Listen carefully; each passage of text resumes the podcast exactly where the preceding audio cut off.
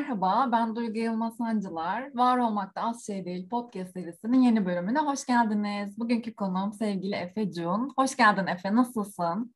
Hoş bulduk Duygu, çok teşekkürler. Ee, sen nasılsın? Ben de iyiyim. Çok güzel bir yaz günü. Haziran'ın ilk günü. Mevsimin ilk günü hatta. Ee, evet. Seni ağırladığım için böyle bir günde çok sevinçliyim. İyi ki geldin. Aynı şekilde ben de iyi ki davet ettin. Ee, ben severek takip ediyorum zaten. Ben de çok heyecanlıyım sorularını yanıtlamak için. Ay, harika o zaman sorularıma geçiyorum. Süper.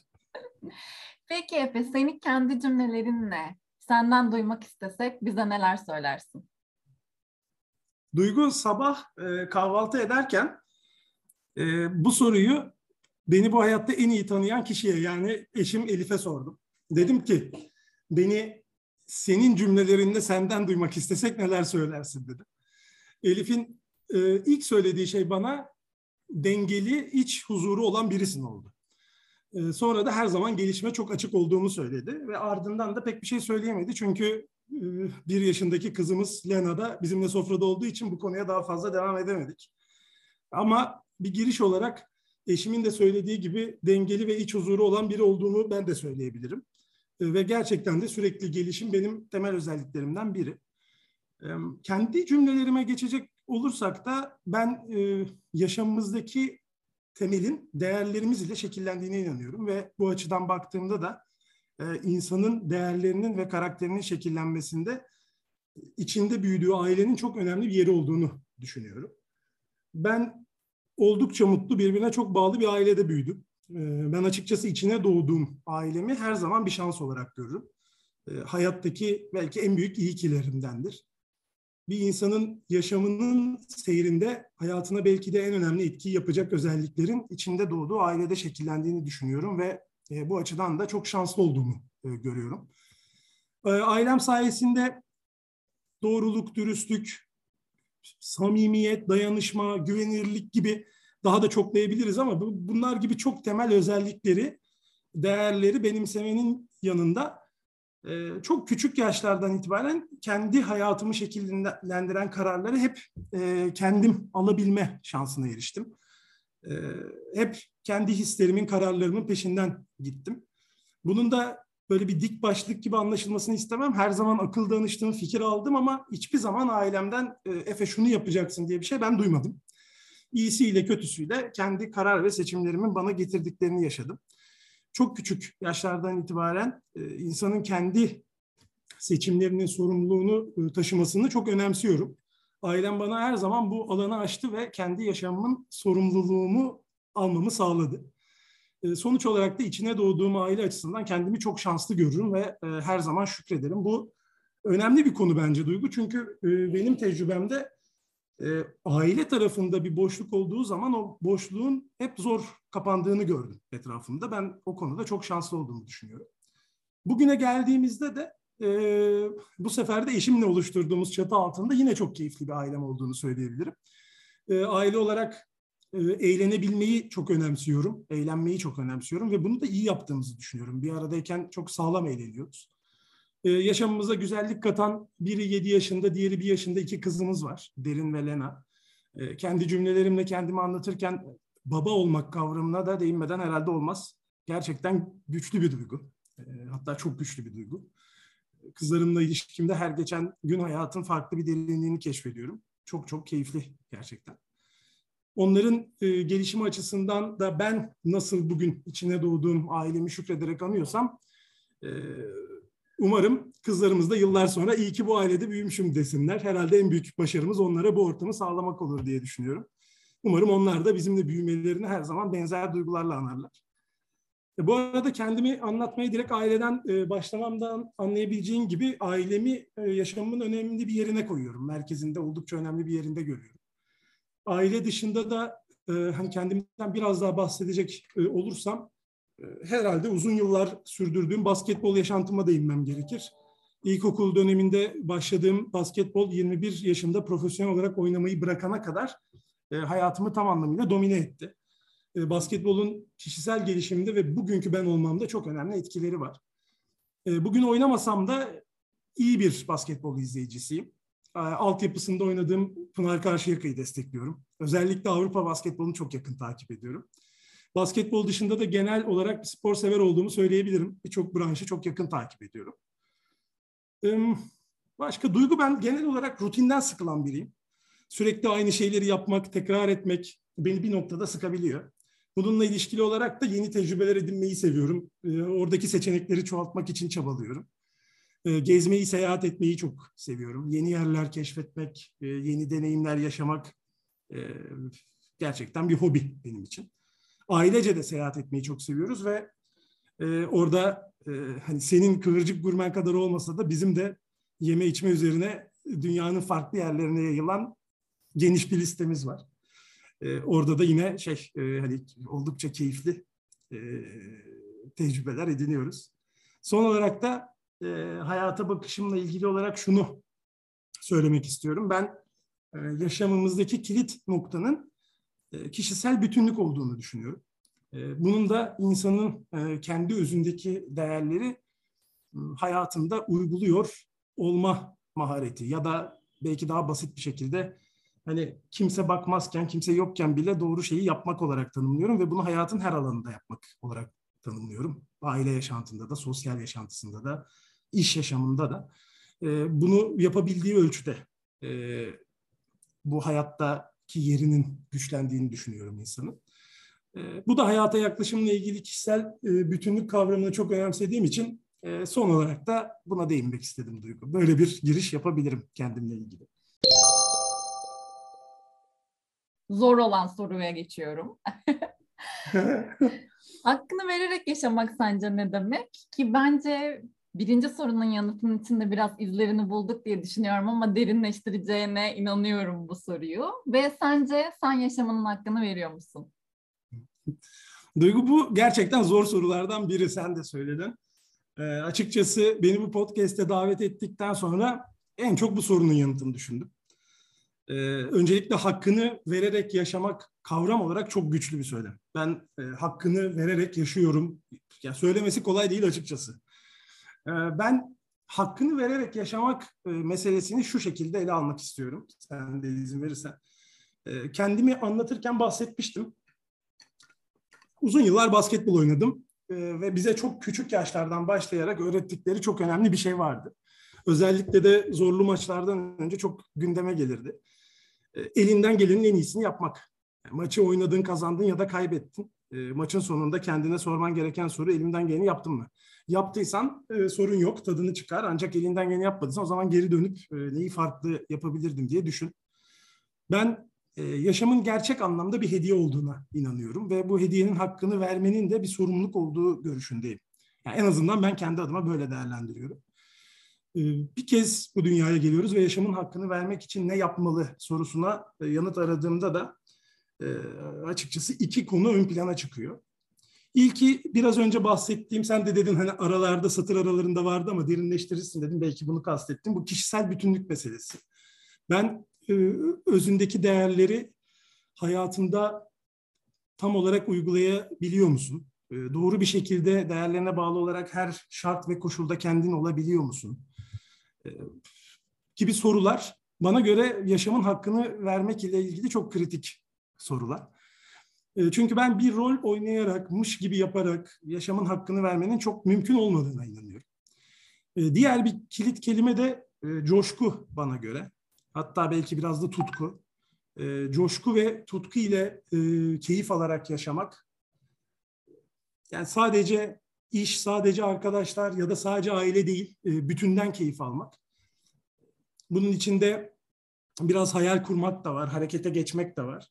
Ama bir zorunluluk olarak değil, kendi içinde iç dürtülerinle, değerlerinle bütünlük içinde harekete geçmek ve e, bütünden keyif almak olarak görüyorum. E, hakkını vererek yaşamayı. E, son olarak da ben hakkını vererek yaşıyor muyum diye sorduğumda ya belki evet kesinlikle hakkını vererek yaşıyorum demek kolay değil ancak hakkını vererek yaşamak için elimden gelenin en iyisini yapıyorum diyebilirim en başta belirttiğim gibi. E, sonuç olarak ben bugün arkama yaslanıp çok rahat bir şekilde e, yaşamak güzel diyebiliyorum. E, inanıyorum ki bunu bugüne kadar olduğu gibi gelecekte de hayatımın her döneminde e, söyleyebileceğim. Hani bu, bu konuda da böyle bir cevap vermiş olayım sana Duygu. Peki teşekkür ederim. Peki seni bugünkü sen yapan, seni bir adım ileriye götürürken çok adımda kendine götüren en büyük farkındalığın ve aksiyonun neydi?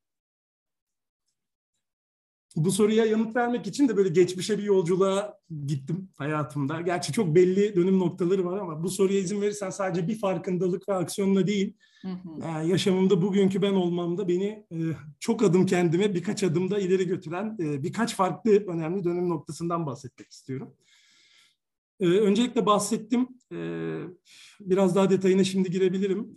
Benim karakterimin şekillendiği, çok genç yaşlarda başladığım bir sporculuk hayatım var.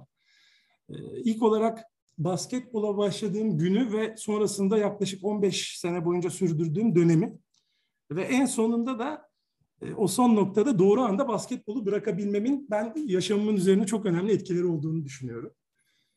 Ee, ben basketbol sayesinde duygu, takım oyunu, yardımlaşma, zor zamanlarda e, takım arkadaşının kayıtsız şartsız yanında olup destek olmak, disiplin, zaman yönetimi gibi çok temel özellik ve etkinlikler edindim. Bunların yanında çok genç yaşlardan itibaren müthiş bir baskı altında sakin kalıp performans vermeye alışmak ve üst düzeyde rekabet etmenin de her ne kadar çocukluğumda hedeflediğim şekilde profesyonel bir basketbolcu olamasam da e, hem iş yaşamında hem de özel yaşamında bana çok büyük katkıları oldu. Bir de burada tabii enteresan bir konu var. Bunun e, hani kişisel farkındalığının gelişmesiyle birlikte açıkçası basketbol oynamamdan dolayı edindiğim özellikler, basketbolun bana kattığı değerleri ben basketbol oynadığım yıllarda değil, basketbolu bıraktıktan e, sonra fark etmeye başladım. E, sonrasında bu farkındalığım oluşmaya başladı. E, biraz önce değindim, basketbol oynamak kadar belki onu doğru noktada bırakmamın da yaşamımda çok önemli bir etkisi olduğunu düşünüyorum. Ben e, Marmara Üniversitesi'nde iktisat eğitimime devam ederken 3 yıl boyunca e, profesyonel olarak basketbol oynamaya da devam ettim. Ama e, hani eğitim spor dengesinde orada spor çok çok ağır basıyordu bende. Hani okula böyle sınavdan sınava gittiğim bir düzenim vardı. Üniversite 3. sınıftayken yine basketbol yaşamıma devam ederken ki yaşamımın büyük bölümünü kapladığı bir dönemde ben sezon ortasında basketbolu bırakma kararı aldım bu e, kesinlikle o dönem için kolay bir karar değildi. Çünkü yıllar boyu şekillendirdiğim e, hayallerin e, büyük bölümü bu alandaydı ve arkasında da e, yıllara yayılmış müthiş bir emek vardı. Ancak o noktada hayalini kurduğum resme erişmenin gerçeklikle pek örtüşmediğini e, kabul edip bu kararı vermem gerekiyordu. E, aslında bunun arkasındaki neden de artık o tempoda e, ki bir spor yaşamının bana zarar verdiğini hissetmem ve başka alanlardaki olası potansiyelime de erişme önünde bir engel oluşturmasıydı. Geriye dönüp baktığımda bu kararı birkaç yıl sonra alsaydım e, asla bugünkü ben olamayacağımı düşünüyorum. Çünkü e, basketbol oynamayı bıraktıktan sonra hayatımda ortaya çıkan zamanda sadece üniversite eğitimimi e, tamamlayana kadar bir buçuk sene falan kısa bir zaman içinde işte Amerika'ya gidip dört ay boyunca orada garsonluk yapmak, sonra bir süre sigorta sektöründe hayat sigortası satışı yapmak gibi böyle yani çok kısa ama çok anlamlı bana değer katan deneyimler elde ettim. Zaten üniversiteden mezun olduktan sonra da e, iki yıl boyunca üç farklı iş deneyerek biraz deneme yanılma yöntemiyle geçip sonrasında da aslında hani iş yaşamında beni bugüne getiren yolculuğa başlayabildim. Dolayısıyla bu aksiyonda biraz daha geç kalsaydım işler muhtemelen istediğim gibi ilerlemeyebilirdi. E, bu, buna da buna da değinmeden edemeyeceğim o yüzden. Bütününe baktığımda yaşamımın e, yaşamımda beni bugünkü ben yapan herhalde en önemli başlıkta eşim Elif'le olan ilişkimdir. E, biz 11 yıldır evliyiz ancak bizim lise yıllarına uzanan uzun bir ilişkimiz var. E, bu da birbirimizin hayatına yaptığımız etkinin alanını oldukça genişletiyor. İlişkimizin ilk döneminde e, hani tahmin edebilirsin e, aramızda ciddi bir olgunluk farkı vardı. Elif hedefleri çok net olan ve bu hedefler için e, ne yapması gerektiğini de çok farkında olan biriydi ve açıkçası bu özelliğinden de etkilenmiştim o zaman. Geriye dönüp baktığımda e, Elif'in beni bugünkü ben olmamda herhalde en etkili bir şekilde e, hani tam anlamıyla farklı bir yola soktuğunu söyleyebilirim. Ben o dönemde çok kötü bir öğrenci olmasam da eğitim tarafında pek ciddi hedefleri olan biri değildim. E, biraz önce detaylı bir şekilde anlattığım gibi ana hedef olarak bir basketbolcu olmayı hayal ediyordum. E, Elif ise hem çok rekabetçi bir yüzücüydü hem de okul tarafında da yani en iyi olarak tanımlayabileceğin öğrencilerdendi. bana özellikle o dönem çok ciddi emeği olmuştur. Ee, hani baya baya ders çalıştırırdı beni. Ee, o dönemki emeğim bir karşılığı olarak işte İstanbul'da Marmara Üniversitesi'nde eğitim gördüm bence ve sonrasında da zaten yaşamımda Elif'in desteği hiç eksik olmadı. Hem eşim hem de en yakın arkadaşımdır. Ee, uzun yıllar hep birbirimize destek olduk. hayatı paylaştık. Dolayısıyla hayatı onunla göğüslüyor olmak başlı başına bugünkü ben olmamı sağlayan herhalde en önemli şeydir hayatta. E, ve bana pozitif etkisi çok büyüktür. E, hani son olarak da bir dönüm noktasıdır kesinlikle hayatımda.